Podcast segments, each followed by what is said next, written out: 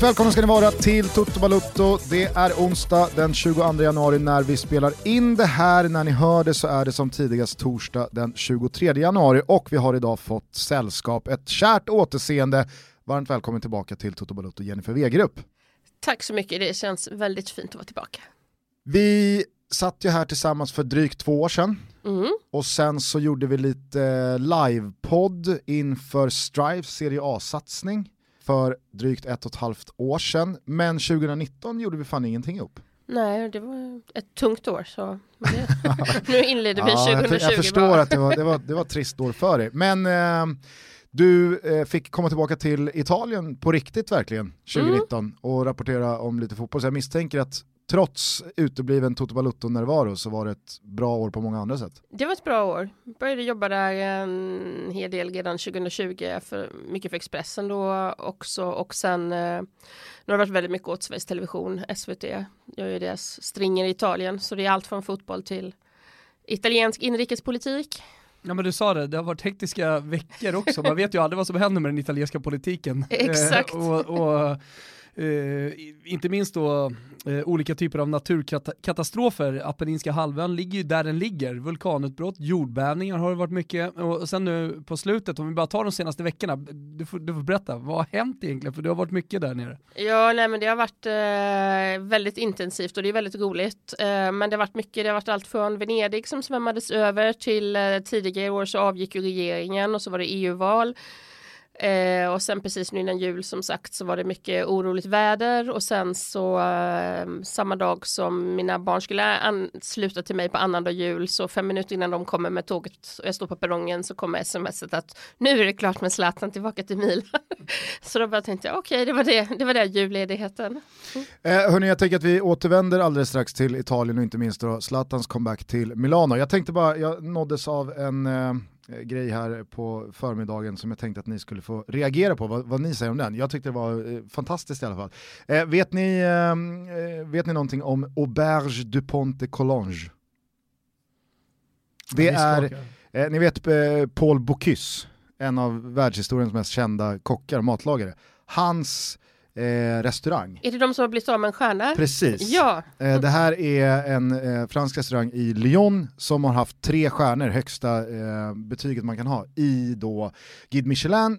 Men nu har de strippat eh, Paul Bocuse eh, restaurang på en stjärna så här. nu ska jag göra kaos? Nej, så att nu igår när Lyon spelade cupsemifinal mot Lille så var då budisarna från Ultras-supportrarna i Lyon de handlade om, liksom, det var, de visade sin stöttning till Paul Bocuse. Ja de gjorde det, de var inte ironiska. Nej nej, utan det var liksom eh, att eh, vad en Guide Michelin hittar på så kommer, ni, så kommer ni aldrig bli av med en stjärna i våra hjärtan. Ja. Jag tyckte det var, det var liksom så, här, så jävla eh, liksom mediterranskt och sydeuropeiskt att eh, det, det, tar sig hela vägen ut på fyra långa banderoller på en fotbollsläktare. Nej, och det där, och det där tror jag också, man, man kan verkligen prata om eh, lokalpatriotism. Där är både fransmännen, eh, för all del spanjorerna, men kanske italienarna eh, värst på, eller vad man ska säga, eh, man, man är ju sin stad närmast, man är ju sin, sin ort närmast, ibland kan det vara till och med sin by då, om man, om man kommer från en lite mindre ställe. Och, och i och med att historien i Sydeuropa är så pass, går så pass långt tillbaka så har man så mycket rötter i sin lokalpatriotism också. Jag menar så att du kommer från Vällingby, du vet ju inte ens varför Vällingby heter Vällingby. Jag råkar veta att Salem en gång i tiden hette Slem. För att Slem, eh, ja, så, så, du vet, vi vet väldigt lite om vår egen historia. Eh, men frågar du någon från San Gimignano så helvete, då kan du, då kan du, stå, då kan du få en veckas utläggning liksom, om varför just San Gimignano är den viktigaste staden i världen. Eh, och så där är det på alla möjliga platser. Så att, och jag älskar ju lokalpatriotismen. Alltså, den ska ju icke liksom, förknippas med liksom, annan typ av patriotism. Den är härlig. Men vad säger du Jennifer, vad gör det här med dig? Ja, men dels håller jag med Thomas och, och jag tror att snarare att det är så också för att knyta an till det du säger Thomas att har man starka rötter så står man stark när det blåser och då är man inte rädd för nya influenser utan det är viktigt att känna sina rötter och Ehm, och sen så dels lokalpatriotismen men dels också hur viktigt mat är eh, i medelhavsländerna. Det är ingenting man skojar om. Eh, det tycker jag är det jobbigaste när jag är hemma i Sverige kontra Italien. Eh, att ofta de här helt kärlekslösa luncherna. Eh, det är ju svårt att äta dåligt i Italien och Frankrike även om du köper en macka på stationen i Rom, på Roma Termini alla bråttom. Självklart tar du bort plasten på mackan ni vet och värmer mackan. Skulle aldrig ta den kall ur ett kylskåp som man gör i Sverige och det säger någonting också tycker jag. Ja, det, det, är, det är väl kanske det svenskaste det, vi har, de, de kalla kylda ostfrallorna. Eller hur? Vidriga är de. Så ja men, men luncher också, alltså, ja. det, det, det, har väl kanske blivit lite bättre liksom sen brickluncherna men nu, nu är det nästan så att man saknar brickluncherna. Men du, jag eh, undrar bara nyfiket, från dina år eh, i Kurva Fiesole, vad var det liksom mest lokalpatriotiska budskapet ni skickade, alltså i stöttning eller anti någonting I eller vad det var. alltså som, som inte handlade om fotboll. Ja. Um, ja, jag får fundera lite. För att jag känner, alltså så här, när, jag, när jag läste om det här nyss, då kände jag bara så här, det skulle aldrig ske i svensk fotboll. Alltså på, på många sätt så är ju allsvenskan och den svenska supporterkulturen fantastisk och det som sker på läktarna här kan ju vara otroligt att få ben att springa även utomlands och få stor uppmärksamhet i andra länder. Men en sån här grej där Alltså tänk dig en kortsida på Tele2 eller på Friends eller Malmö eller Ullevi eller någonstans där det liksom, det, man visar sin stöttning mot att en restaurang har fått en dålig Lallerst recension. Lallerstedt har problem med gondolen som Bajarna går ut. Men vet du, en annan intressant aspekt också tror jag faktiskt är att frågan är i Sverige om du skulle stötta en finkrog med tre stjärnor som också är jättedyr. Ja exakt, det, ja, det blir klass... Eh, ja, jag tror faktiskt det, absolut. Ja. Det är också en anledning till att det inte skulle ske i Sverige. Det är ungefär som att Silvio Berlusconi som ju var Italiens rikaste och mäktigaste man skulle aldrig ha blivit statsminister i Sverige. Eh, Medan då i Italien så sågs han däremot som en vinnare och klart att man ska rösta på honom för kan han lyckas så kan han lyckas leda landet. Där ser du skillnader i mentalitet. Exakt. Ja, och sen så finns det avundsjuka mycket i Sverige också. Vadå? Har, vem har råd att gå på den restaurangen? Ja, Varför ska ja, men det, det finnas? Medan i Lyon så är det ju säkerligen en stor stolthet att han är från Lyon och har sin restaurang i Lyon. Ja, även om du inte själv kan gå dit. Sätter Lyon på ja. kartan lite. Det stinker ju samtidigt banderolläge ifall kvarnen skulle liksom bli av med utskänkningstillståndet, då skulle det ju komma banderoller från Hammarby-supportrarna, eller? Ja, garanterat. Nu är, nu är det liksom i andra änden av då liksom klass. Eh, så ta det till gröna jägaren, då jävlar alltså. Mm. Då hade det varit uppror. Nej men det är klart att det är så. Eh, jag känner vad också hette, att... Vad hette Mannerströms? Sjöpaviljongen? Ja. Är, är, är Leif Mannerström på något sätt liksom blåvitt? I Göteborg, ja visst. Är han blåvitt? Eller det vet han, jag inte faktiskt. Okay, Känns ja, som det... guys. Eller? ja, jag tycker ändå han känns som guys. Är han inte lite punkig ändå? Det känns som att Mannerström allierar sig med vinnarna. Ja. Det är väldigt lite förlorarklubb över Leif Mannerström. Ja, så känns som lite överklass. Han skulle Öjs kunna vara ÖIS i så fall. Ja, jag vet inte fan. Men det känns också som att bron över till Zlatan och Malmö och statyn inte är jättelång här. Eh, hur tänker du då? Jag, bara, jag vet inte exakt hur jag tänker, jag känner bara att bron från det här över till en diskussion om det inte behöver vara jättelång. Ja, det här är en av dina sämre segways känner jag. Ah, jag vet fan. Okej, okay, vart vill du börja då? Nej men vi pratade ju lite om att man är stolt då. De, Lyon, eh, Lyon-supportrarna är ju väldigt stolta över eh, sin kock och eh, att han har lyckats och att han har tre stjärnor och, och allting sånt där. Och så stöttar man honom även när han då liksom förlorar den här stjärnan, även när det går tungt. Ja, det här är, det är, det är Om han helt plötsligt skulle gå in och köpa Montpellier, som är rivalklubben, då, då, då kanske det blir eh, samma black, backlash som det, som det blev för Zlatan när han köpte eh, Hammarby. Är man, du med? Ja, samtidigt som Alltså man... nu, nu, nu är han arg, så nu ska han öppna en ny restaurang och den öppnar han istället i Montpellier. Ja. Då river de statyn i Lyon. Det här får ju också med att tänka ifall det kanske finns då ett förhållande tvärtom, att maten är så viktig att det tar sig ut på fotbollsläktarna, att fotbollen kanske är så viktig att den tar sig in i matens absoluta finrum. Den här personen från Guide Michelin kanske är alltså stor eh, PSG-supporter eller eh, eh, Olympic Marseille-supporter eller Montpellier-supporter, att det är, liksom, det är så viktigt med det fotbollsmässiga att man går in och, och, och, och pissar på liksom det matmässiga också det man kan säga, eh, för att fortsätta på det spåret och som jag faktiskt brukar säga ibland till en del kvinnliga både vänner och kollegor eftersom generellt ändå, om jag nu generaliserar eh, så har ju kvinnor i alla fall historiskt varit mindre involverade i fotbollen och är det fortfarande, i alla fall inte minst i Italien där jag jobbar mycket som sagt, eh, att fotbollen är en maktfaktor. Jag brukar alltid säga det, även om du inte är intresserad av spelet så missar du så väldigt mycket som du säger, alltifrån eh, vem som skakar de rätta händerna på stadens viktigaste krogar till politiker till så mycket annat. Att kunna fotboll har hjälpt mig jättemycket i mitt arbete även i andra sammanhang. Första gången jag träffade Silvio Berlusconi var till exempel just tack vare fotbollen. Så där har du en viktig poäng. Jag tror att de som inte är insatta missar vilken otrolig maktfaktor fotbollen är. Hur var ditt första möte med Silvio Berlusconi? du, det är en bra fråga. Jag försöker komma ihåg exakt när det var. Uh, jag tror att det var någon gång i mitten av 90-talet. Uh, och i någon mixad zon någonstans och livvakter runt och det har jag sedan återupplevt flera gånger. Eh, men han var väldigt vänlig. De kör ju lite den här stilen också att du är kvinna, då måste du få ställa dina frågor och så till livvakterna lite att de skulle ge mig lite mer utrymme för de är ganska aggressiva så man inte kommer för nära och sådär. Men du som bottnar väldigt väl i både den italienska fotbollen och politiken, har vi, har vi, har vi sett Silvio Berlusconi för sista gången? På de absolut största scenerna. Ja, det har vi gjort. Eh, jag, var på ett politiskt möte som jag bevakade i eh, oktober där den samlade italienska högern var då. Och då talade Berlusconi också, han är ju 83 år nu. Och ehm, det var utan att på något sätt ha stöttat honom eh, sådär politiskt. Jag röstade för övrigt i Sverige men alltså så var det lite vemodigt, inte just kring honom utan mer för att det man, jag såg på scenen speglade hur livet går. Där stod en gammal man som tappade tråden, som inte kunde följa monitorn riktigt. Hans medarbetare blev stressade ser man och till sist började publiken tröttna och ropa så här, farfar, nonno, vi ska med bussen. De vill inte lyssna på honom, man ville lyssna på Matteo Salvini och Giorgia Meloni, eh, de andra partiledarna. Hans eh, storhetstid är över. Och har han på något sätt, liksom, tror du, energi och driv och vilja kvar att i alla fall vara lite delaktig i något slags återtåg för Milan mot toppen?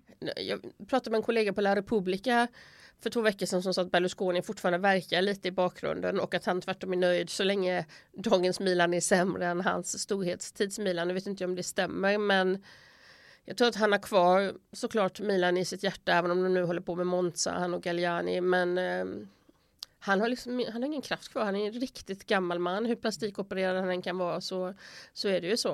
Har ni eh. sett uh, The Irishman? Scorseses nya mastodontrulle. Då är det är Robert De Niro och Joe Pesci. Man får ju följa dem. Jag vet att det är Al Pacino också. Ni är på ta en vecka ledigt nästa, då kan jag säga det. ja men typ. Nej men eh, Eh, det, det, är ju framförallt då Robert De Niro och Joe Pesci man får följa över säkert 50 år. Det kände, alltså I slutet så kände jag lite så här, det här är Berlusconi och Galliani, att till och med inne på fängelset så sitter de kvar och försöker vara lite maffiabossar men alla har gått vidare. Spoilade du nu? nej, nej verkligen inte. Nej, men, um, men jag tror det är lite så, och det kan man känna med Berlusconi ibland, ska du inte sitta på balkongen och njuta lite av vinet och solen nu, det lilla som återstår och sådär. Uh, och även det här hysteriska för några år sedan att man fortfarande skulle visa en Casanova med en massa unga tjejer. Nej, det, det, finns inte i honom och sen säger de också att det är väldigt många människor som står och faller med honom. Eh, partiet, Forza Italia och väldigt många medarbetare som den dagen han går bort eller slutar så, så faller Berlusconis imperium. Så. Eh, och även om han har, kan ha varit en obehaglig maktspelare mot sina motståndare utan tvivel gjort en hel del olagligt också genom åren. De som har varit som har liksom ingått i han krets, hans krets som han har hållit sina händer över. Så att det finns ingenting han inte har gjort för dem. Så han har varit en bra husse för dem så att säga. Hur, hur eh, mår han rent ekonomiskt och hans företag? Det är en jättebra fråga men det är han, man kan ju säga att hans ekonomiska nedgång hade börjat egentligen i skymundan med den nya medievärlden där tv förlorar makten. Ni vet allt det här som drabbar mm. alla världen över klassiska medier.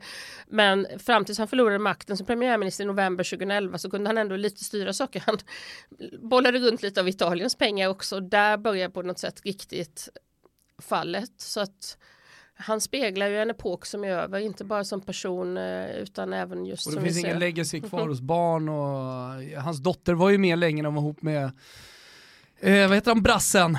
Pato. Pato, ja, exakt. och det var ju Zlatan jätteförbannad för att de inte köpt tv där i januari 2012 och sålde Pato Eh, och det var, kostade väl Milan scudetton det året, där började på något sätt mm. eh, fallet, att man lät privata skäl också. Barbara ville ha kvar Pato. Men henne ser man inte så mycket av nu. Nej, hon är borttagen från Milans museum och sådär också, eh, där hon stod innan de, eh, och höll sig för hjärtat och sådär. Eh, och mediaset som var flaggskeppet går ju dåligt. Eh, så som sagt, det är lite av en epok som, som går i graven. Ja, eh, vi får väl se om Berlusconi har sagt och gjort sitt sista i Milan. Någon som inte hade gjort det i alla fall var Zlatan, som du sa, kom tillbaka till Milan där i slutet på 2019. Även fast du kanske där och då blev lite tagen på sängen för det passade dåligt med barnen och rent datum, så var det ju på gång väldigt länge. Det var, ja. en, det var en illa dold hemlighet att det skulle bli Milan. Eh, men eh, om du backar bandet en, en, en, knapp månad då, hur var, hur var dagarna i och eh, kring ankomsten? Vad, vad var liksom, vad var känslorna på plats där nere? De var väldigt intressanta, för även om det hade snackats i flera månader så kände man att det fanns en tvekan hos Zlatan, annars hade han ju kommit ner tidigare. Eh, och det man kände tycker jag på något sätt är att det var lite, lite för sent, lite för sent i livet på något sätt. Sådär. Det var stort att han kom tillbaka men det var inte alls som om man hade kommit för två, tre år sedan. Det fanns något vemodigt i luften också. Och han visste det själv. Jag har aldrig sett Zlatan så som, som han var nu. Eh, han var väldigt, väldigt ödmjuk, eh, väldigt lugn och samlad. Eh, både på presskonferensen och när han mötte media och jag intervjuade honom efter matchen mot Sampdoria. Eh, så det fanns någon sträng av vemod i luften att du kan aldrig komma tillbaka till det som en gång var. När han var där förra gången var han mitt i livet och på sin absoluta topp. Eh, nu är det inte så riktigt Och det var ett helt annat Milan också. Det var, och det var ett helt annat Milan, exakt. Så båda de sakerna var förändrade. Jag pratade med många kollegor som kände lite samma samma sak. Så det, det var på något sätt både lite vemodigt och lite vackert och eh, han sa när vi pratade efter matchen att jag har inga mål för personlig del nu när här. Mitt enda mål är att hjälpa Milan och vad det gäller mig själv vill jag bara njuta och ha det bra. Sådär. Och man har ju sett det på planen att han blir inte förbannad när de slår ett uselt inlägg, en passning, han klappar i händerna och försöker vara uppmuntrande och hoppas han kan hålla i det för det var lite det jag efterlyste hos honom att se honom växa och bli den här stora ledaren och fimpa den coola killen. Nu, så. Pratade han någonting om eller kunde du läsa av mellan raderna att det också handlade om att jag, jag vill inte sluta spela fotboll? Lite absolut så. För att vi vet ju själva att på planen är 38 år en ansenlig ålder men i livet är det verkligen ingen ansenlig ålder. Eh, och även om han haft alla de här olika projekten så upplever jag att han tycker det är väldigt skönt att komma tillbaka till den europeiska eh, toppfotbollen även om inte Milan är på topp just nu och att det är på riktigt igen efter USA, och efter alla olika reklamgrejer och apropå statyn som Thomas tog upp innan så, så vet jag att Zlatan har tagit mer illa vid sig än vad han har sagt och han kommer att vilja prata om det här förr eller senare.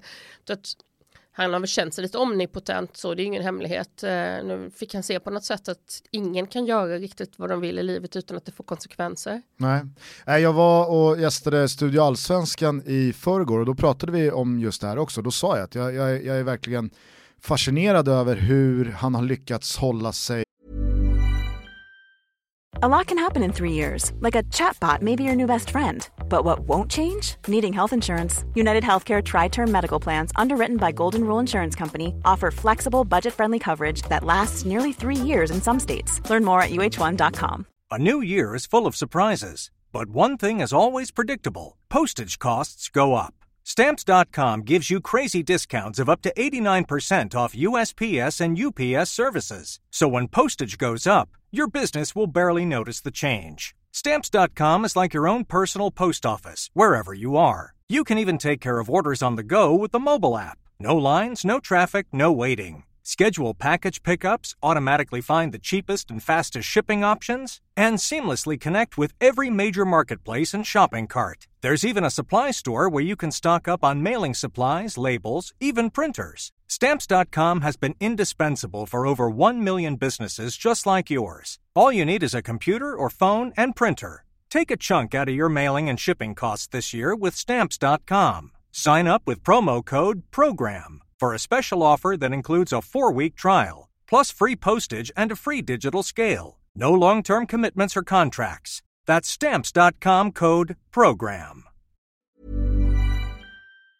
Så tyst om någonting så extremt som ändå det är att riva en staty och skända en staty, att, att inte ens... Man liksom... tänker också på hur, hur viktigt det i alla fall verkade för dem när de reste statyn att han var på plats och, och träffade Mal, äh, malmöiterna. Och, mm. äh, jag menar, in... så här, det, det, det, var ju en grej för honom, den här statyn var viktig för Verkligen. honom. Ja, ja. Och jag menar, eh, in, inte bara då att han inte har pratat om det, utan jag, jag kände också när jag liksom själv pratade om det, att så här, hur, fan, hur mår han egentligen eh, över det där och vad känner han? Och han även fast det är Zlatan Ibrahimovic eh, och, och, det kanske är liksom den personen i svensk sporthistoria som man känner har det hårdaste eh, skalet och den tuffaste attityden utåt.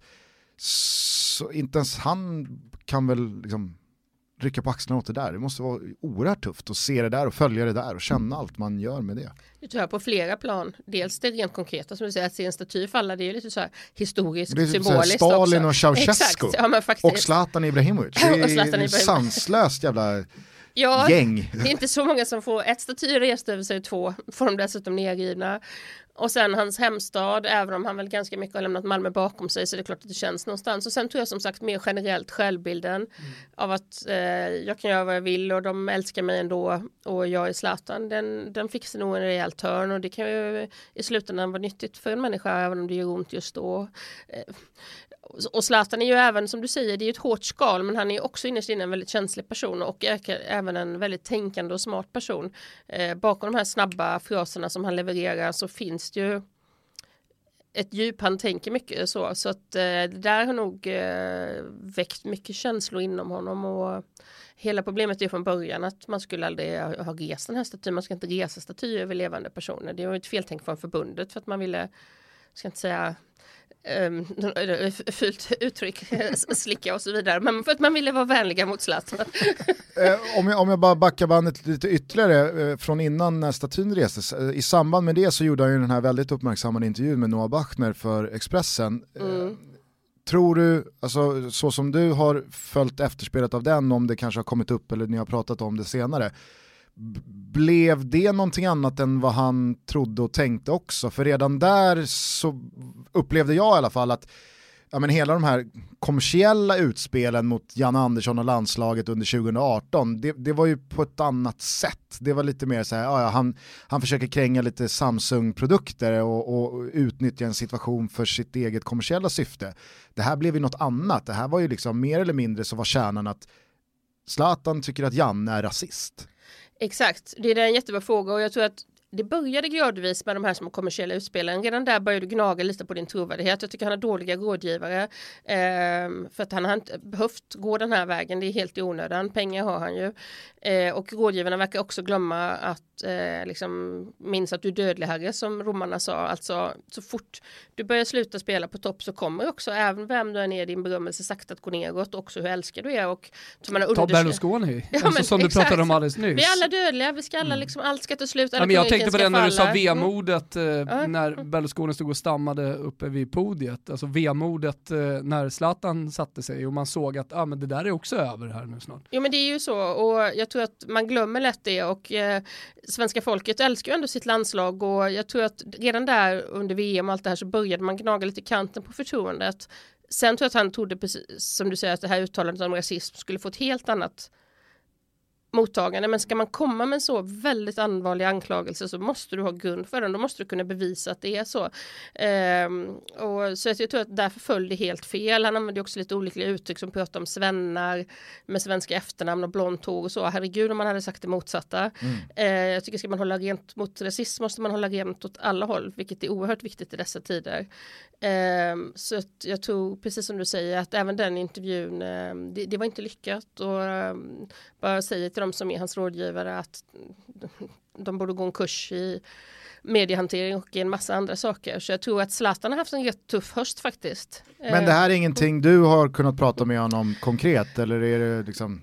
Nej, eftersom vi pratade ovanligt länge, han stod drygt fem minuter mixade, vilket ju är länge som ni vet. De bara stod och låg och man kunde verkligen prata på efter matchen. Men jag har inte haft tillfälle att prata länge på tu man hand. Nej, men skulle gärna vilja prata. Han har ju lovat att berätta om vad han tänker och känner kring statyn.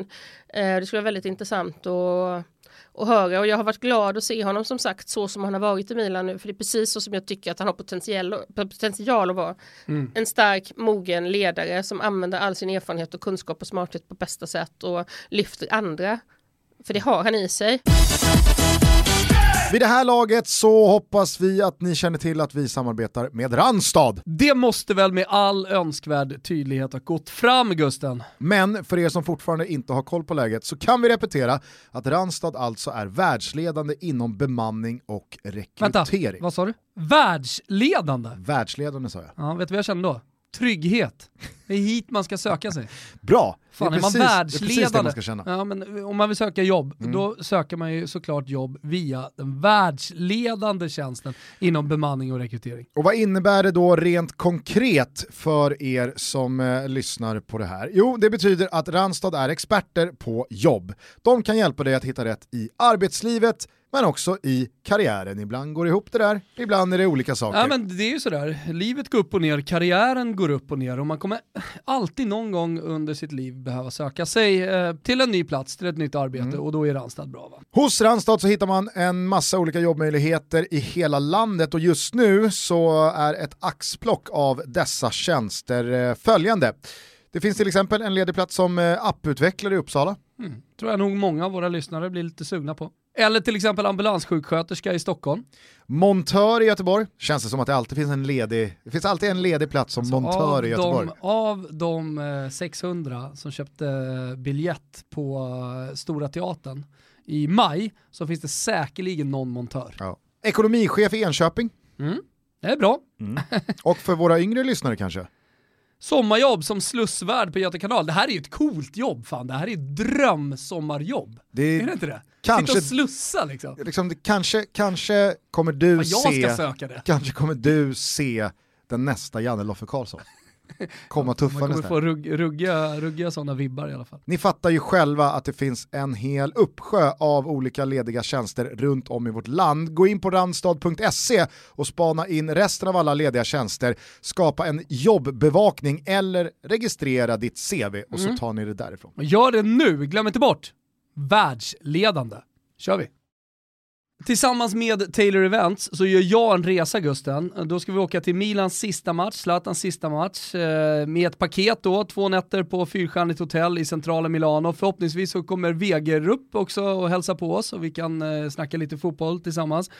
Det är alltså 23-25 maj, ni hittar länk via våra sociala medier och eh, det här går att delbetala, det går på olika sätt att haka på den här resan. Det är så jävla många som frågar. Nu får ni chansen. Haka på, vi har max 100 platser. Vi får se hur snabbt det går att fylla det här.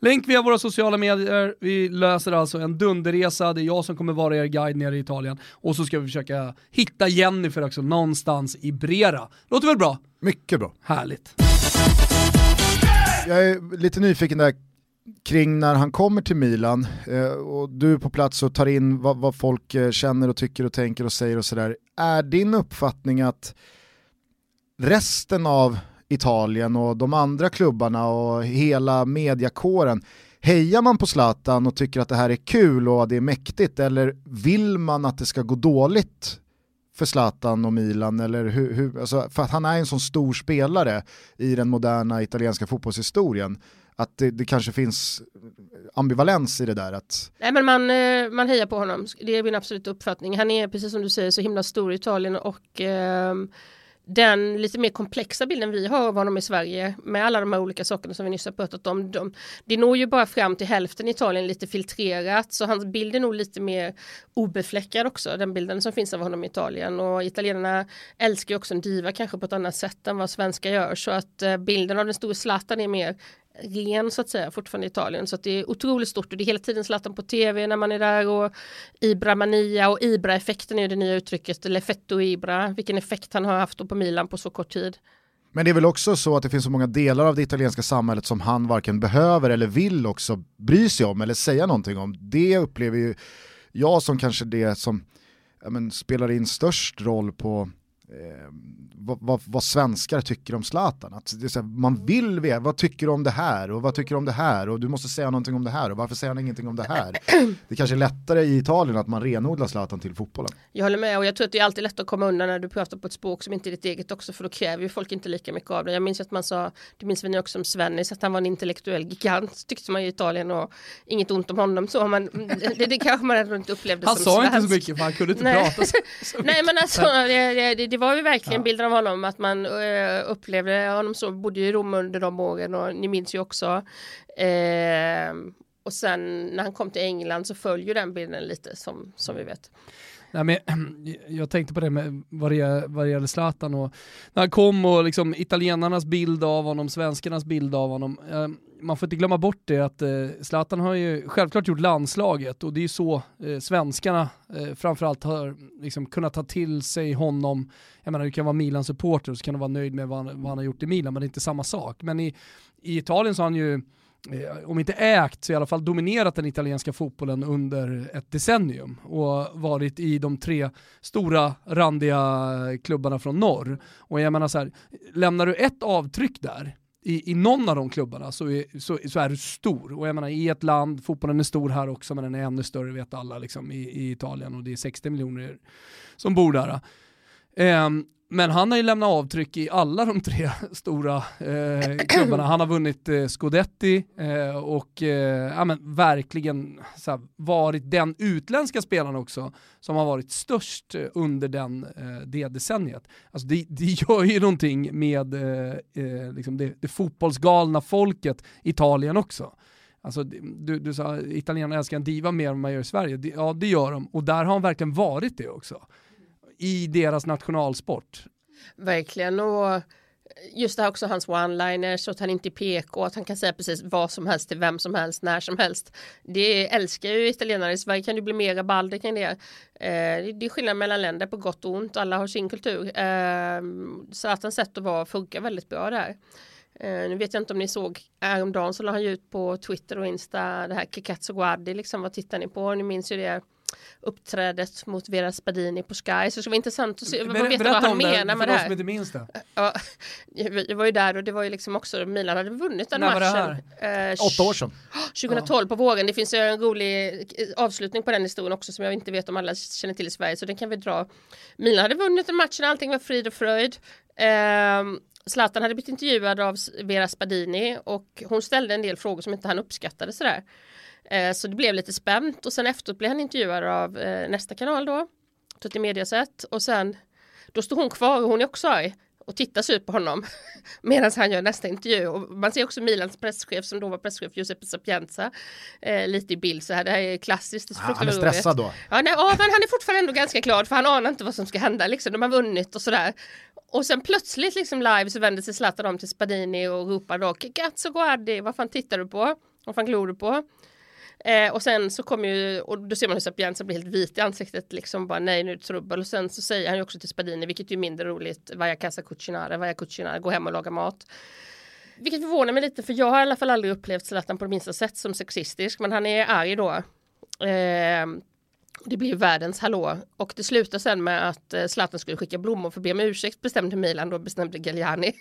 och det ville ju Zlatan naturligtvis absolut inte. Han vill inte skicka några rosor till den här i hans ögon då jäkla Spadini. Eh, men Milan skickade ändå rosor.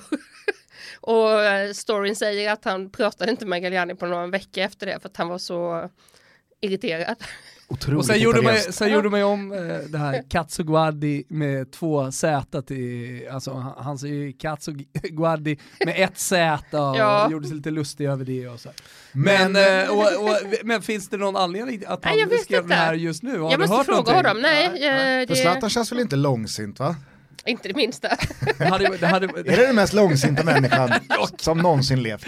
det måste det vara. man, alltså. man, man måste både beundra och beklaga det på samma gång för det är både hans styrka och hans svaghet så som det ofta är.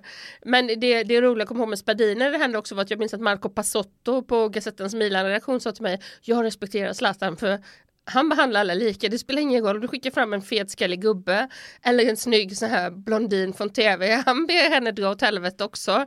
Han sa han det går inte att lura Zlatan i någon honungsfälla utan han bara ber alla dra om han inte gillar dem. Men du, nu har det ju bara gått eh, några få veckor och eh, även fast resultaten har varit väldigt bra så har ju inte motståndet kanske varit eh, det allra bästa ännu.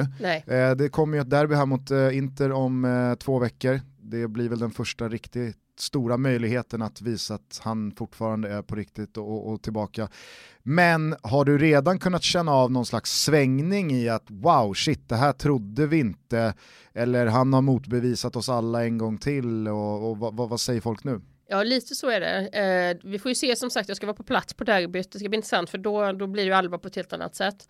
Eh, det man har förvånats över är hans fysiska form. För det hörde jag mycket från kollegorna i Milano att Milan räknade med att han skulle inte vara redo att spela fulltid för en lång bit in i februari. De var jättearga för att han aldrig kom. Eh, att han förvånar med sin form. Och sen som sagt Lefetto och Ibra, Ibra-effekten pratar alla om hur de har skärpt till det i omklädningsrummet, hur alla har respekt, hur det är en annan laddning. Och även Pioli pratade om det efter Exakt. senaste matchen också, där han sa att eh, ja, men det är en helt, annan, helt annat omklädningsrum nu. Det känns som att, eh, och jag tycker bara om man tittar på Milan från tv, att det är ett annat Milan. Eh, sen har de ju... Samma gamla Suso, men... Soso får ju typ inte spela nu, alltså Soso har ju varit fullständigt bedrövlig. Fast om vi ska säga samma gamla Soso, det fanns, hans in, ja. inledande tid i Milan var ju faktiskt bra. I synnerhet när det kom till, der I synnerhet när det kom till derby. Ja, exakt, men han var en av, en av få som försökte och som gjorde någonting. Men eh, jag, jag tycker ju att det ska bli oerhört spännande att följa den här väldigt omaka duon Leao-Zlatan Ibrahimovic. Uh. Eh, han tittade ju på, det, det, det finns en bild liksom, när, han, när han tittar på Katsuguardi, nej men han kollar på Zlatan med kärleksfulla ögon. Lite som Zlatan en gång kollade på Ronaldo den äldre. Ja. Och när han verkligen står och bara, är jag verkligen här? Jag, ska, jag, skulle nog, jag skulle nog faktiskt säga att en bättre liknelse är ju hur Zlatan tittade, och rö, tittade på och rörde sig kring Henke ja, i landslaget. Jo men just bilden i sig och ja, sen de rörliga absolut. bilderna när han tittar, men det är verkligen så här, wow, är jag här? Drömmer jag? Ja. Spelar jag med, med den store Zlatan Ibrahimovic? Men, men det har blivit, inte storebror lillebror, det har blivit far och son i anfallet. Och det tycker jag är så jävla intressant, för det får man inte så ofta se. Alltså du får se storebror lillebror, att någon tar någon under sina vingar och sen så försöker hjälpa. Men här är det verkligen far och son. det, är, mm. det är väldigt, väldigt speciellt och det skiljer nästan 20 år mellan dem. Nej, och, det, och det, det, är verkligen som du säger och det där är jätteviktigt på flera plan. Dagens Milan har ju inte på något sätt heller den ledning, eh, den kontinuitet som stora dagars Milan hade och det såg man också efter storförlusten där med 5-0 mot Atalanta så gick ju flera av spelarna ut och festade. Eh, det kom bilder i sociala medier när de dricker bubbel och röker cigarr och så och det är ju så otroligt omdömeslöst och så sa de ja men jag var redan inbjuden, vad skulle jag göra? Tacka nej. eh, ja, det skulle du. Eh, sånt är också uppe, de, de vågar inte det nu med Zlatan. Eh, är det något han alltid har varit så är det extremt disciplinerad när det gäller det här och sköta sig så. Jag vet att i PSG var han skit irriterad när Lavetzi kom insusen ibland direkt på morgonen till träningen från någon natt på stan i Paris. Eh, Zlatan är ju som sagt sköter sin kropp och allting minutiöst. Så även där det betyder jättemycket. Det är slut med de här små grabbarnas lek. Mm. Eh, nu är det allvar. Men tror du att det här är starten på comebacken för Milan?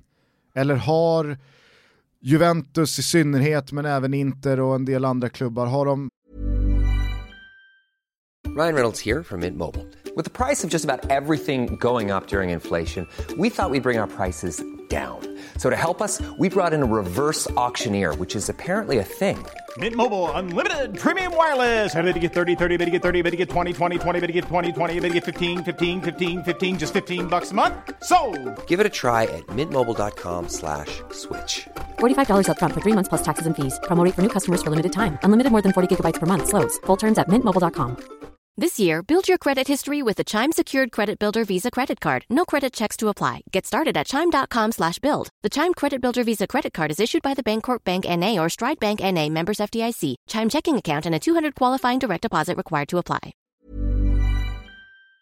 Har de sprungit ifrån lite för långt att det spelar egentligen ingen roll vad Milan gör? Avståndet är för stort.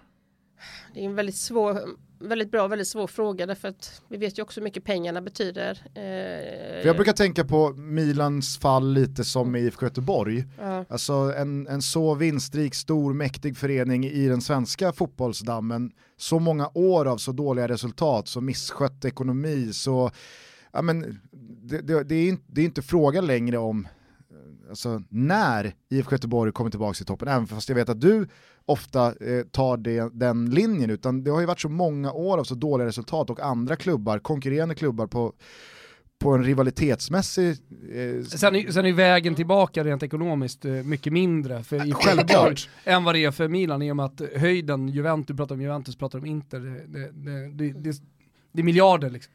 Ja, och eh, eftersom man också har blivit utanför Champions League-spel i så många år och så blir det som en ond cirkel och så. Jag tror att nå upp till den eh, fornstora dagens topp då måste de få en sån ägare igen som har stora, stora pengar på riktigt eh, och det kan bli tufft. Annars kommer det bli lite mer kanske, man kan sega sig upp en bit nu, bli lite mer som de här snabba flashar liksom. En gång vinner Roma här, en gång vinner Lazio, en gång vinner Napoli där, även om det är länge sedan nu.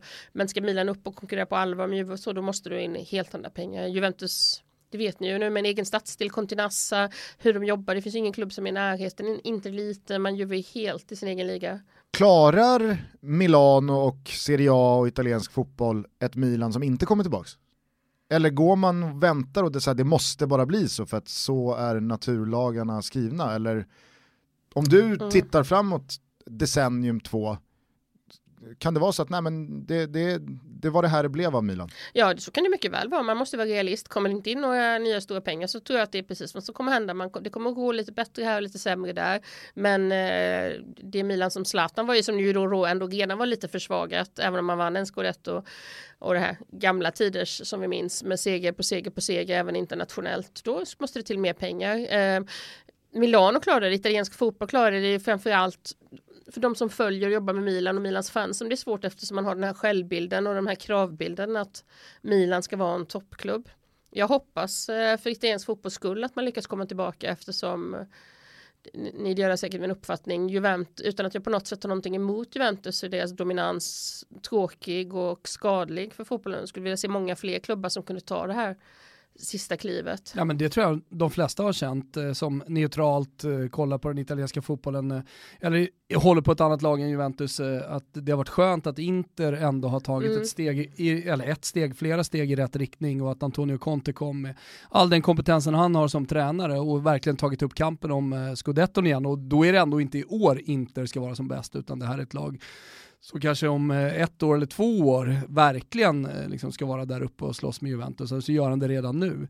Det, tycker, och, jag menar, men då, det saknas något inslag till. Om det, är, ja, det, det är uppenbarligen inte Napoli eftersom de har de problemen som de har med Del Laurentiis och det känns som att den luften har gått ur den klubben, mm. eller gått ur den klubben, gått ur Del Laurentiis han har liksom inte kraften att eh, ja, men, göra ytterligare en satsning för att eh, slåss om scudetton. För nu, det, nu behövs det ännu mer pengar. Mm. Nu behövs det skjutas in pengar. Och, och det vill han ju uppenbarligen inte göra. Det var ju under en period där italiensk fotboll var lite på dekis som Napoli faktiskt hade mm. möjligheten att ta den där scudetton. Framförallt ett år. Ja, när, när, man, när man tappade det. Men, eh, alltså, med Milan är ju ett varumärke som ingen annan eh, av de klubbarna som jagar toppen nu, som faktiskt kan hitta en ägare. Och borde hitta en ägare som, med, med tanke på vilka jävla skitklubbar folk köper, Manchester City, ja. ja men, eh, ja, men så här, Chelsea, ja visst, Premier League och man förstår varför de gör det.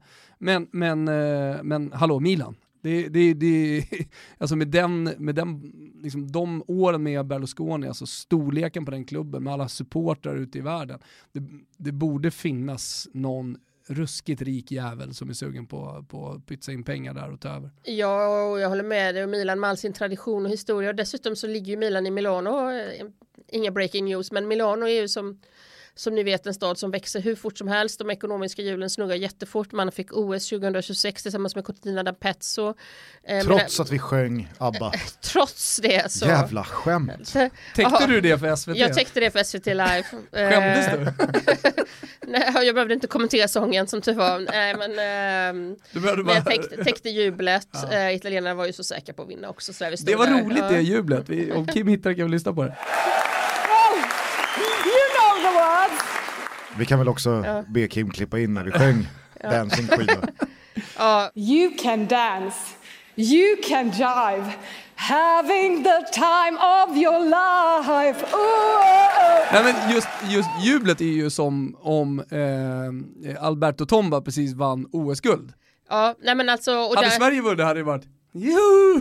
Och det var också en av anledningarna, bortsett från att Italien är mycket mäktigare och en massa andra saker till att man fick det, är att man ville ha det. Ja. Och där ser man också skillnad för många svenskar, men det har vi inte råd med, men det är viktigt att vi lägger pengar på det här och det här och det här. Och det kan man tycka vad man vill om, men Italien som verkligen har enorma ekonomiska problem frågar många, men det här är viktigt för Italien, för vårt land, för vi ska synas, för vi ska vara bäst. Det ser också skillnader. Jag säger inte vad som är rätt eller fel, men väldigt stora eh, skillnader.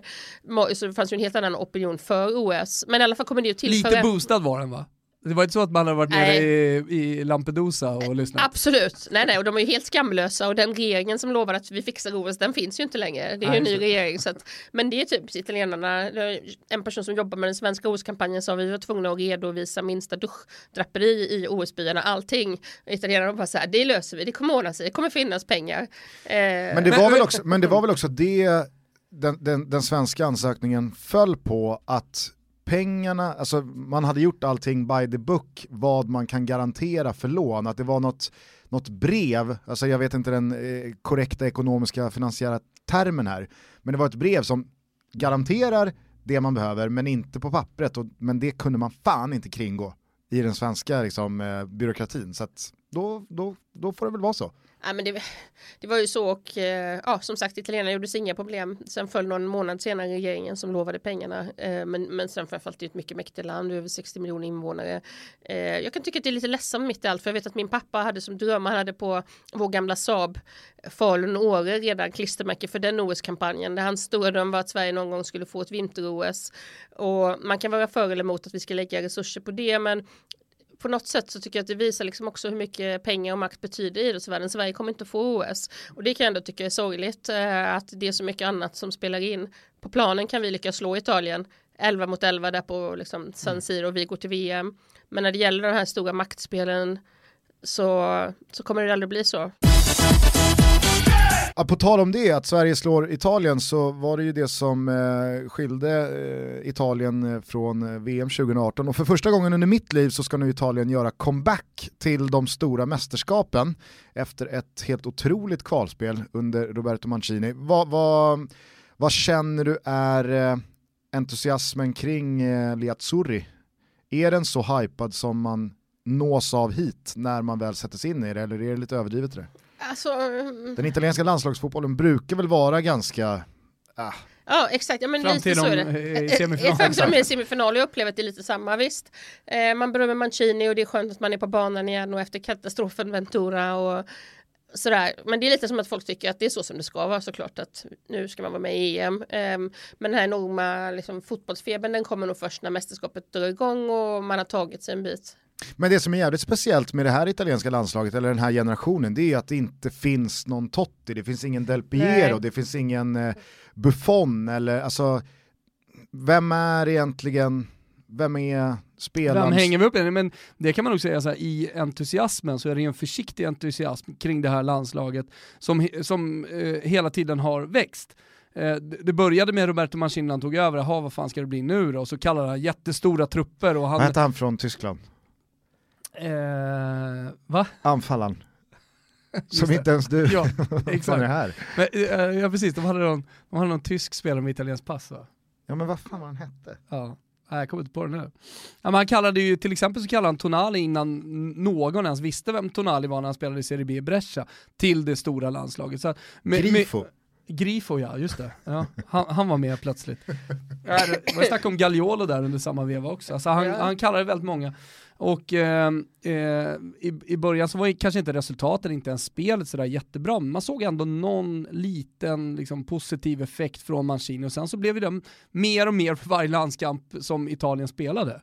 De blev bättre och bättre och bättre fram till det här eh, kvalspelet då. Och där man har varit otroligt bra, framförallt så är det ju med de unga spelarna med eh, Federico Chiesa till exempel då, som har fått eh, eh stor plats, Tonali som har kommit in men inte bara. Alltså det, han har han är byggt upp, han har verkligen gjort en stenhård generationsväxling som har varit ett stålbad som de behövde gå igenom. Mm. Men det är tufft att göra det och då tror jag att det var fundamentalt att ta in en så stor personlighet, fotbollspersonlighet som Roberto Mancini är. Han har tagit in en Ventura-typ, en jätteskicklig tränare men som kanske inte hade namnet. Då, då hade han liksom fått, då, då hade man inte haft något tålamod. Hallå, när blir det bättre? Varför ska du ta in de här unga? Vi måste ha erfarna spelare. Men här var det ingen som ifrågasatte det. Och, och den, liksom så här, den entusiasmen som började med att Mancini tog över, den, den har växt hela tiden och nu, nu tror jag man ser lite med tillförsikt mot eh, mästerskapet. Man ser sig absolut inte som några favoriter, det är ingen italiensk hybris, men jag tror att man gillar italienska landslaget bättre än man har gjort eh, liksom på länge. Att man kan känna att det är det finns något äkta med det här italienska landslaget. Plus att man har ju tappat så många generationer här nu. Man har tappat så många årgångar. Det blev inget av 83, 84 85 Montolivo och Pazzini där. Det vart ingenting av dem. Det vart ingenting av de här Bonaventura-gubbarna, 87 Alltså så här, det är många årgångar som det har liksom bara det försvunnit. Nu kommer de här Barella och, och eh, Keen och liksom, eh, Tonali, 20, 2099-gubbarna. Nu kommer de. Och där verkar Italien verkligen ha fått fram no, alltså riktigt bra, några riktigt bra årgångar. Det är känslan i alla fall, sen återstår att se vad de, vad de kan göra. För jag menar, Tonali spelar fortfarande i Brescia, han ska ju vara bäst i Juve. Då kan vi prata om liksom vinna VM-guld. Mm. Nej, men jag, jag håller med och det nya är väl just också som, som du säger, och att man satsar på laget. Eh, man såg ju faktiskt när man mötte Sverige lärde sig en läxa också att laget och gruppen är viktig. Det räcker inte med de här enskilda stjärnorna utan Mancini har också velat bygga en grupp på ett helt nytt sätt och starta om och sådär. Man lärde sig en uh, nyttig läxa där. Missionären Jan Andersson sprider sin kunskap, sitt, sitt budskap ja, över alltså, hela världen. Det finns en enorm respekt faktiskt för honom i Italien. Jag kommer ihåg jag skrev åt Gazettan inför matchen på San Siro där och då sa han så här Italien och no paura gjorde de rubriken Italien, jag är inte rädd och så var det Janne så här med stoneface.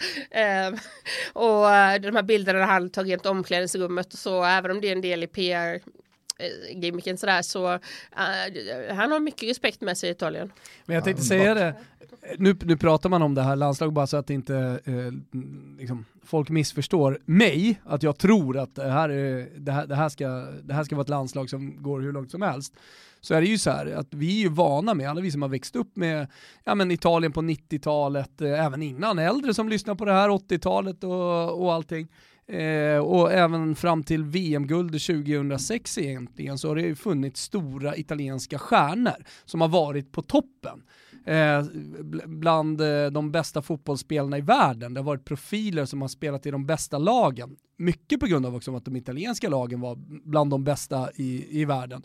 Alltså, kollar man på Juventus idag, vilka är de största italienska spelarna i, i Juventus? Det är inga stjärnor, det, det är inga som... Det är mittbackarna kidsen har på, på, på tröjorna och så kollar man då de offensiva spelarna eh, som ofta liksom brukar locka eh, eh, ba, barn och ungdomar till att köpa tröjor. Ja, det, är, det är liksom en anfallare i Turin och en anfallare i Lazio och eventuellt då unga spelare som är på väg upp men de är inte etablerade i de stora klubbarna de gör inte skillnad i de stora klubbarna så som det alltid har sett ut. Så jag menar, det är ju nästa steg som Italien måste ta. De här spelarna måste in i, i ja nu fick ju Barella, gå, nu, nu kommer han till Inter och fått ganska mycket speltid, men han måste ju gå in i, liksom, på sikt göra skillnad där och bli en spelare som man pratar om i Champions League-sammanhang och så vidare. Så här. Och där är ju inte Italien Nej, då får, nej, jag håller med dig och då får vi hoppas på en eh, lite delvis i alla fall kanske en ny Skilacci mm. i sommar, alltså någon också som kliver fram och Grifo kanske? Överraskar alla, skjuter EM ja, jag, tror, jag tror Italien behöver en ny stjärna. Alltså de behöver en stjärna att hänga upp sig lite på vad det lider i alla fall. Alltså, eller kanske ett par. Eh, nu blev det ju lite stickspår här med både OS och landslaget, men avslutningsvis bara kring Zlatan. Tror du att våren fortfarande är väldigt mycket det som kommer bestämma eller har du redan fått känslan av att nej, men det blir nog längre det här än slutet på den här säsongen och det finns ett år till här och har det redan börjat snackas om att man ska knyta upp honom även för 2021? Ja, i, i eh, den italienska linjen är att han ska stanna och vad man vill och alla tycker ju, också alla journalister som bevakar Milan har ju fått en ny tillvaro och plötsligt blev det spännande och roligt igen och sådär. Eh, mitt intryck är snarare att han kör den här vågen att detta är avskedsturnén. Eh, familjen är ju kvar i Sverige också. Eh, det är också intressant hur mycket italienska medier har skrivit att Helena älskar Milano och därför kommer de flytta dit och sen är de kvar i Stockholm.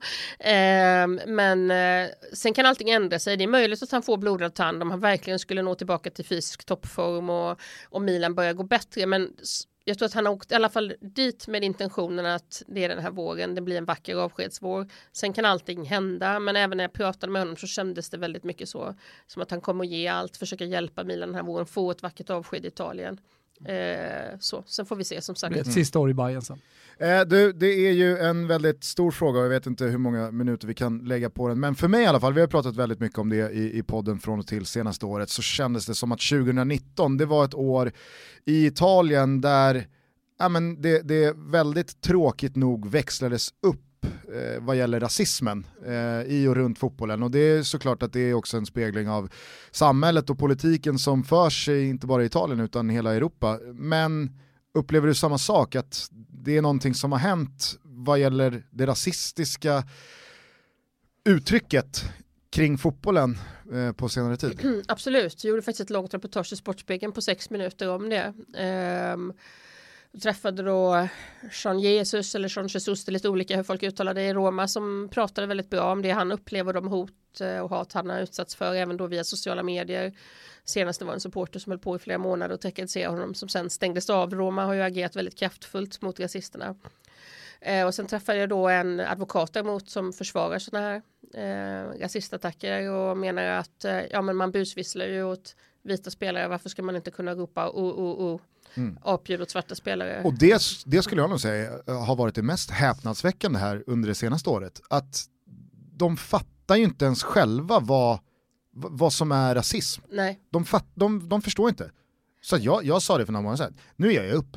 Det, det, det är bara liksom, tyvärr, de är dumma i huvudet när det kommer till de här frågorna. Ja, men det, är, och det är ett jätteproblem och jag var hemma hos Prandelli i, i Florens så pratade mm. vi, ja det var underbart Thomas, mm. hans fantastiska eh, hem och en sån alltså, fantastisk... Ser alla de här grejerna eller? Ja. Va?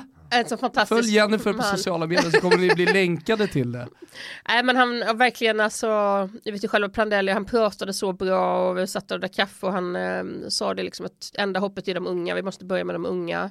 Och han sa att det här fått pågå alldeles för länge. Mm, han sa Italien är efter just när det gäller sådana här saker jämfört med många andra länder. Eh, och det finns inga enkla recept nu utan det är de unga som är framtiden helt enkelt eh, och försöka påverka dem. Men då hade vi som kontrast lite tv-bilder på unga killar som står och gör liksom den romerska hälsningen då, fascisthälsningen på Olympiastadion. Så, ja, ja, jag menar till och med här nu var det i, strax innan jul när det skulle vara någon så här, nu tar vi ett krafttag antirasism och så kommer det bilder på apor. Apor, jag vet, det var katastrof. I klubbfärgerna och det är så här, ja någon, någon jävla gatekeeper i något led måste väl bara så här, för, för det, det, är ju bara ytterligare ett exempel på att, att man inte fattar, fattar nej, nej, det vad, var ju vad det är som är problemet Lega Culture som har beställt den kampanjen och tyckte att man gjorde något smart och artistiskt och så. Det var ju helt fruktansvärt, förlåt jag skrattar men det är för att annars behöver man gråta. Ja, ja. Apor i olika klubbfärger, nej jag vet det var liksom sån total total katastrof och ungefär ja. samtidigt kom det också ut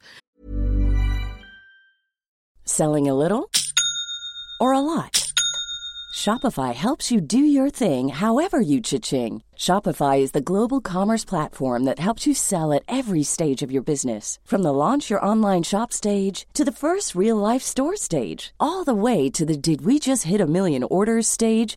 Shopify is there to help you grow. Shopify helps you turn browsers into buyers with the internet's best converting checkout. 36% better on average compared to other leading commerce platforms because businesses that grow grow with Shopify. Get a $1 per month trial period at Shopify.com slash work. shopify.com/work. Någon hemlig mobiltelefon avlyssning som hade läckt till La Repubblica, dagstidningen, där man hör hur eh, personer, högt uppsatta personer i Lega sitter och säger att när de här rasistljuden förekommer så ska vi bara se till att mickarna för tv är bortvända från kurvorna så hörs det inte. Så det är också så här, ja, och Hellas Veronas, eh, det var väl någon ultrasledare där som alltså, fick bemöta det som hade filmats då. Ja. Och, alltså, han verkade ju genuint tycka att det, det där, att Ja, vi står och gör, gör ap, att vi står och gör apljud mot en svart spel, det är inte, det är inte rasism. Nej, nej, och det sa som sagt den här advokaten till mig också i Verona. Ehm, ja, men man busvisslar åt vita spelare så sa jag, jo, men det är bara svarta spelare man gör apljud ut. Jo, och åt sa jag då, men ja, men det tyckte han inte var rasistiskt. Han sa Men att det är en pratar Prandelli om en utopi tror du eller? Jag vet inte, det vill man inte tro heller. Eh, det är bara att förändring tar lång tid. Men eh, alltså, så länge han sa också att Italien är ett samhälle där många äldre män har styrt väldigt mycket väldigt länge. Så det gäller både rasism och sexism och sånt som är väldigt djupt rotat. Så han Metoo hade fick en... inte samma fäste i Italien som det fick i Nej, och du såg ju nu, jag vet inte hur mycket du följer med inför Sanremo-festivalen som ju börjar nu, Italiens melodifestival. Så är det en manlig programledare som ska vara omgiven av fem kvinnor och när han presenterade dem då så sa han Sono tutte belle, de är alla vackra. Så det har blivit ett himla hallå, det var sådär. Men det är skönt, det är ändå en skillnad att i dagens Italien blir det faktiskt liv kring de här sakerna. Det hade det inte blivit förr. Så det går framåt även där. Eh, vi ska börja runda av, men jag skickade ut eh, inför inspelningen här eh, ifall någon hade någon fråga eller fundering kring dig som du skulle få ge din syn på. Vi får ju väldigt mycket frågor från lyssnare eh, om just att åka till Italien och eh, ja, men både titta på fotboll och besöka städer och äta god mat och så vidare. och så vidare. Thomas mycket mer än vad jag får, men Thomas har ju här nu mot slutet mer och mer börjat då väggspela de frågorna till den här boken du skrev Bra, om Thomas. just det här. Eh, boken i sig har vi pluggat, eh, det kan vi göra igen. Köp den eller på något sätt införskaffa den. Men om du får liksom från den utgå, var är pärlorna? Topp tre städer, topp tre lag, topp tre besök att göra i Italien? Om man vill ha fotbollstouch på resan. Ja, det är en bra fråga. Ehm, om du inte är supporter utan bara då ska gå på en stor match så tycker jag att, uh, så får ni säga ert, men ehm, kvällsmatch på San Siro, om inte derby så i alla fall stormatch, för det är något väldigt speciellt. Se stadion upplyst som en slags rymdskepp på väg att lyfta mot kvällshimlen. Ehm, Rom, gå kanske på den här restaurangen som heter Cori di Roma, Roms hjärta innan match och sen gå med supporterna och uppleva den här stämningen som är så stark. Eller även Neapel, en del svenskar tycker det är otäckt att åka dit men alltså det är ju inte farligt om du bara uppför dig lite smart. Um, för att om du inte är intresserad av ett lag så är det klart att så som du upplever fotbollen i Rom och i Neapel det, det är någonting väldigt speciellt och så det är också så vackra städer. Och sen så kan man ju också säga Genua Eh, verkligen en pärla och väldigt stark fotbollspassion och så. Men det är nog vad jag skulle säga. Lite sämre lag dock. Ja, exakt. Så att eh, vill du hålla dig till storklubbarna så även om nu Napoli är väldigt kaosigt. Eh, skulle kanske inte rekommendera att man åker ut till Napolis träningsanläggning. I alla fall får man se till att vara ett gäng personer då eftersom den ligger i Castel Volturno som är eh, typ ett av Italiens farligaste ställen ungefär. Mm. Har Jennifer slagit i skallen här och glömt Florens... Livorno. eh, Nej, hon glömde, pa, eh, hon glömde träpanelsbaren eh, på långsidan eh, som vetter mot eh, det Italienska havet. Eh, träpanelsbaren i Livorno, Ponche alla Livornese. Eh, det, det, det, där pikar fotbolls, fotbollsupplevelserna eh, på alla sätt. Men eh, nej, det är jättebra. Och sen, sen är det ju sådär, eh, det är många som också frågar kan man få med en Serie B-match om man verkligen vill så här, fotbollsturista, då får man, ju, får man ju kolla lite på spelschemat och, Mm. och vilka lag som finns i hyfsat nära anslutning. Men det man kan säga är att det är mycket, alltså tågförbindelser i Italien är klockrena. Ja. Du kan åka tåg överallt, du behöver inte ens hyra, du kan hyra bil också, men du behöver inte göra det. Nej, nej. Utan du kan till och med köra Sassuolo och, eller ett lag i Emilia. Du kan köra Florens och eh, eh, Milano till exempel, eller Turin och Milano. Så här. så att du kan ta det ganska långt för att de har den här Freccia-tågen som, som går väldigt snabbt och hela tiden. Och är jätte, jättebra. Och sen kan du ha den sista lilla anknytningen. Finns det lokaltåg som går till minsta Precis. mjölkpall. Eh, så jag håller med Thomas. Ta inte bil. Du kan ändå absolut inte ta bilen till stadion för det går inte att få parkering utan Mycket bättre med tåg. åk tåg. Och vart får man tag i din bok enklast? Eh, på Adlibris, sök på mitt namn på nätet. Det är absolut enklast så har du boken på typ två dagar. Och den heter ju Det ljuva fotbollslivet. Jonas Eliasson, han undrar vilken eller vilka fotbollshändelser under dina år i Italien som eh, du har varit och bevakat som du håller högst? Oh.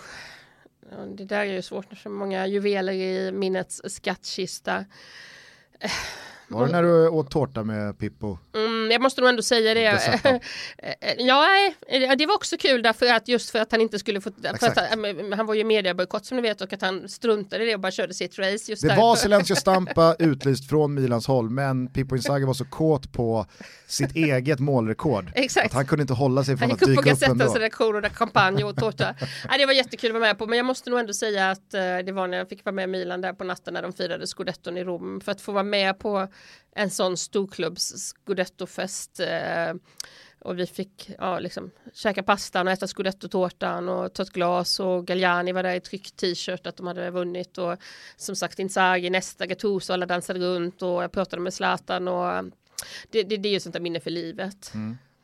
Elis Billskog tycker jag ställer en eh, intressant fråga. Vad kan svensk fotboll och i synnerhet allsvenskan lära sig av Serie A? Oh, eh, kanske kommer jag säga en liten klyscha men ändå hur viktigt det är med fotbollen i vardagen. Nu är Italien såklart ett mycket större land och ett helt annat urval. Men även om spontanfotbollen har minskat där också och barnen också sitter mer med med paddor och så vidare så finns det ändå mycket mer fotboll i vardagen och eh, det är där grunden byggs. Det kan inte hjälpas. Det brukar jag säga när jag tränar tjejlag också. För när de är små är det inga fysiska skillnader med killarna. Killarna håller på mer med bollen. Så att det är vad jag skulle säga. Eh, det, det måste in mer fotboll i vardagen. Fotboll hela, hela, hela tiden. Här finns ju så mycket planer också som jag kan bli ledsen när jag går förbi och ser alla dessa oanvända planer. Var är kidsen? Ut och spela. Vad, hur eh, ser du annars på damfotbollen i Italien? För jag vet att du har täckt det mycket också. Jag var ju där i fjol, dels i förra våren inför eh, VM och gjorde reportage, träffade deras förbundskapten Milena Bertolini som är en fantastisk person och eh, träffade Sara Gama och några andra spelare och sen så bevakade jag en del under VM också. Eh, det går framåt. Vi vet ju hur beroende de fotbollen är av framgångar och det här VMet betyder mycket. Framförallt att det kan börja spela fler flickor för det är där grunden. Det finns ju fortfarande som ni vet mycket fördomar. Många mammor som inte vill att deras döttrar ska spela fotboll för då kan de hjälp få stora lår eller bli lesbiska. Så det är de här fördomarna som man måste jobba vidare mot. Jag eh, håller på och gräver nu inför sommarkupper. Vi har inte riktigt bestämt oss vid senast inåt helvete. Jag hittat den i Barcelona. Eh, de ligger lite längre fram i, i Spanien än vad de gör i, i, i Italien. Eh, fick tag på en i Jesolo, i, i norra Adriatiska Ja. havet. Eh, men det fanns inga flickor. Men jag blev erbjuden då att spela mot ett år yngre killar. Eh, så min jakt på flickturneringar i Italien fortsätter. Det är jättesvårt. Ja, och då tror jag att då måste spela mot flera och äldre lag för att de är så långt efter. Det känns som att det Eh, börjar vid ni spöa 12 dem. lite med Ja. kupper och sådär. Rimini är ju en gammal klassisk eh, fotbollscup-ort Vi för gräva lite i Rimini. Jag tror du skulle säga gammal klassisk festa, festa-ort. Det var, Det var någon sån här uh, paraply... Passar Thomas perfekt. Det var någon paraplyorganisation, eller de liksom eh, hade massa olika kupper då i Italien, men inte bara, även internationellt. Så att det hon gjorde, det sista jag fick från den organisationen, det var att de skickade mig till Prag. Där har de en bra Girls Cup. Okej. Eh, Jag tycker att Oscar ställer en intressant fråga här också. Vad har Cristiano Ronaldo för status hos italienarna? Han har ju levererat resultat onekligen, men har folket tagit till sig honom? Ja, det är en fråga som det inte finns ett entydigt svar på upplever jag. Jag vet inte vad, vad Thomas känner men eh, eh, han är ju en speciell person och personlighet. Han är jätte- inte Zlatan. Nej, han är inte Zlatan. Han är jättestor och inte minst då i Turin och hos Juventus-fansen.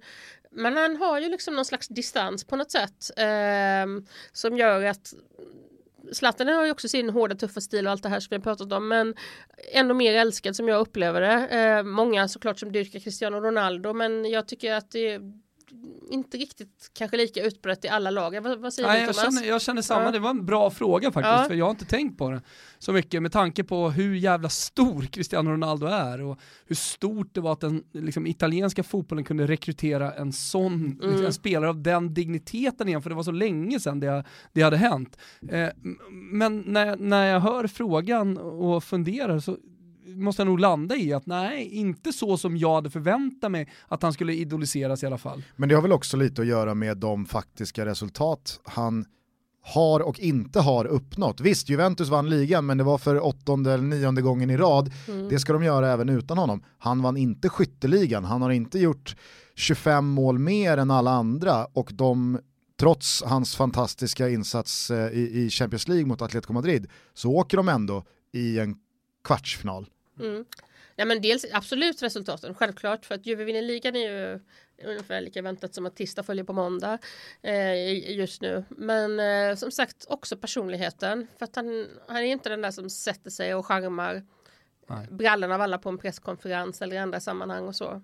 Och italienarna ser ju inte lätt på den där tofsen, det ska ju sägas. Det är ett modeland liksom. Det, Och de de, här de, de är skeptiska till den där tofsen. Våldtäktsanklagelserna som egentligen har förföljt honom eh, sen han kom till Juventus, upplever att de på något sätt är en tröskel för att man som fotbollsland tar till sig honom. Inte på samma sätt som de skulle ha varit i Sverige, där skulle det ha drabbat honom mycket hårdare. Eh, De som redan tycker illa honom tycker sämre om honom på grund av detta.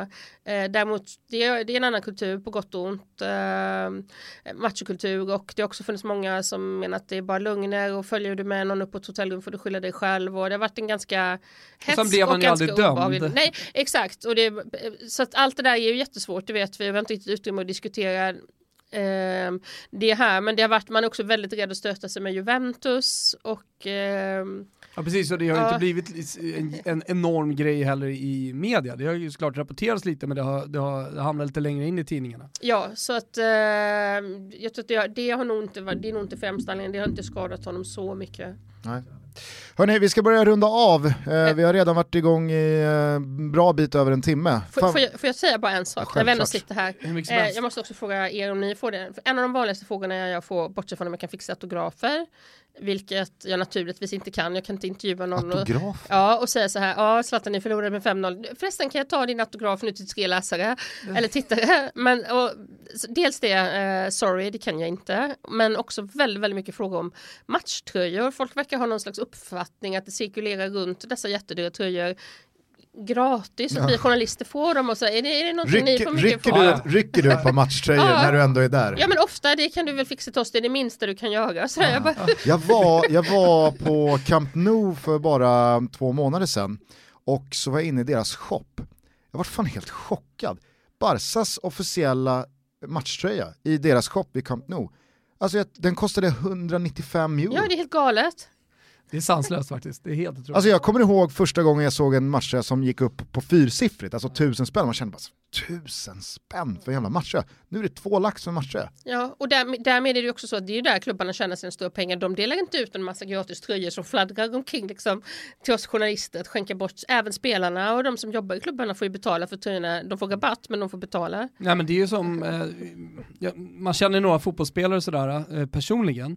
Eh, då har jag alltid köpt den och jag tror att varit tvungen att köpa, nu har jag inte ställt fråga, men jag har faktiskt varit tvungen att köpa matchtröjan och sen ge den och sen skriva på. Inte så här lös en 176 eh, Fast tröja. vi har väl ändå fått lite tröjor av våra Till kompisar kontoret ute. ja, till, till kontoret ja, men Ja. inte att så här, ge bort till kompisars barn och så. Sen kan man ju fixa autografen, men de har ju alltid löst tröjan själv. Ja, Men jag tänkte, alltså det, det, det är länge sedan någon frågade mig om en autograf. Just för att så här, den har ju inte alls samma status idag som den Senast, hade. senast var det Kviborg som skrev till lillebrors alla Jo men exakt, men det, det, det, det var ju, det var ju, alltså, det var ju någonting som aldrig sker annars, det är, utan det är ju videohälsningar Eller och det är bilder och Känslan är ju liksom att autografer inte, alltså det borde, borde ju försvinna lite. man tycker det lite. Men sen också hur de tror att man liksom jobbar, vilken ställning sätter jag mig emot om jag ska bevaka en spelare så bara, kan jag få din autograf också? Men det, därför är det så skönt just, just det här, hur fixar man matchbiljetter, vart ska man gå och äta, och hur Allt ska man liksom bok. uppleva, ja, köp Jennifers bok, det är mitt enda svar. Och framförallt också om du vill se Totti, var käkar han middag eller vill du se eh, Precis, stjärnor i de olika klubbarna så restaurangtipsen är ju inriktade just på det. Här går spelarna ut och äter. Om du, om du vill bli liksom eh, borderline stalker så finns först, första, första tipsen i det Då ljuva fotbollslivet. Ja, men en sak som jag tänkte på nu när vi är på väg att sluta, det var att Köra en jävla Totti stakeout på en restaurang i Rom, alltså vilken, vilken vecka. 14 gubbar från Södertälje står Så det. ser man på Twitter, här, Totti i Australien. Ja, Det var en välgörenhetsgrej. nej, Totti är på den restaurangen, alla in i en taxi och åker dit istället. Ja. Ehm, nej, jag skulle bara säga det. Man känner lite historiens vingslag, det är så konstigt, det, tiden går så fort. Senast Mm. vi satt här äh, var ju faktiskt mitt under brinnande metoo. Eller hur? Och, och du berättade dina historier och sen så var vi på Oscars och det var känslosamt och en speciell period. Och nu sitter vi här nu, Zlatan är tillbaka i italienska fotbollen, det har hänt väldigt mycket. Men jävla kul. Ja men det är Eh, jättekul och det känns på något sätt som att det var ödesbestämt. Jag tycker ju äldre man blir så mer ser man hur livet går i cirklar också. Saker kommer tillbaka. Det, det börjar mer och mer på något sätt bli övertygad om att så är det. Så då kanske vi ses i en lite sämre period om två år. Nej, nej, nej Är det så ännu du- bättre. så ännu bättre. Nej, Liksom, nu är vi på uppgång. Vi är på uppgång fortfarande. Ja. Okej. Ja, men vi, har ju, vi har ju ett eh, fantastiskt fotbollsår så eh, vi, det är klart att vi får anledning att träffas igen. Och, Det hoppas jag. Nu har vi, nu har vi Zlatan i Milan och, och allt det, men eh, vi har också ett EM som stundar jävligt mycket kul. Hörni, avslutningsvis så skulle jag bara vilja puffa för i ett sånt här Italien-tungt avsnitt att är det någon dag man ska kika på Serie A så är det på söndag. Det inleds med lunchmatch på San Siro mellan Inter och Cagliari. Det finns ju en hel del intressant att följa där. Men fortsätter sen med Derby della Capitale, 18.00 Roma mot Lazio och sen 20.45 Napoli-Juventus. Vad är det för jävla Serie A-dag? Nej, dunderdag. Simor. Simor ser man de här matcherna på, teckna ett abonnemang om ni inte redan har gjort det, då får ni dessutom all fotboll från La Liga på köpet och Golfen. golf och NBA också. Va? Jajamän. Det Det är sanslöst alltså. Eh, Stort tack till Jennifer Wegerup för att du återigen kom och gästade Toto Balutto. Stort tack för att jag fick komma och gäster. Vilken låt vill du att vi avslutar episoden med? Nu ska vi utmana er lite och se om ni har den. Sara perché ti amo. Det måste vara för att jag Sara älskar perché er. ti amo. Det är den låten eh, som ni vet som man spelar på San Siro eh, och man sjunger särskilt den här refrängen Våla, våla, flyg, flyg. Den låten gjordes ju sen om på svenska till Var ska vi sova i natt. Eh, men jag vill ha Perikles. eh, exakt originalversionen Sara perché ti amo. Eh, som, Stringimi forte, Sara perché ti amo, amo. che confusione, Sara perché ti amo. Men Ricky Poveri, rika och fattiga som gjorde denna först. Gärna den lite upphottade versionen. Så. Du vet vilken eh, svensk eh, fotbollsspelare som eh, tog ton och sjöng den på ett allsvenskt guldfirande? Nej. Det är liksom så här, det, det är hans legacy, det, det blev hans eftermäle. Vad gjorde På svenska. Hela hans karriär, ja exakt, var ska vi sova i natt? Var ska vi sova i natt? Nej. Olof Persson, hela hans karriär kokades ner till att så här, vad blev det av Olof Persson? Han sjöng Var ska vi sova i natt när Malmö vann SM-guld 2004. Tänk om man hade gjort den italienska, den originalversionen. då hade han ju, då hade jag också fått ett coolt legacy. Ja, det har Ja, varit lite coolt. faktiskt. Ja, nej, men jättebra. Eh, de tonerna får avsluta veckans andra och sista Toto Balotto. Vi hörs igen på måndag. Ja, jag funderar på var vi ska sova i natt helt enkelt. Ciao tutti! Ja, ciao. Ciao tutti.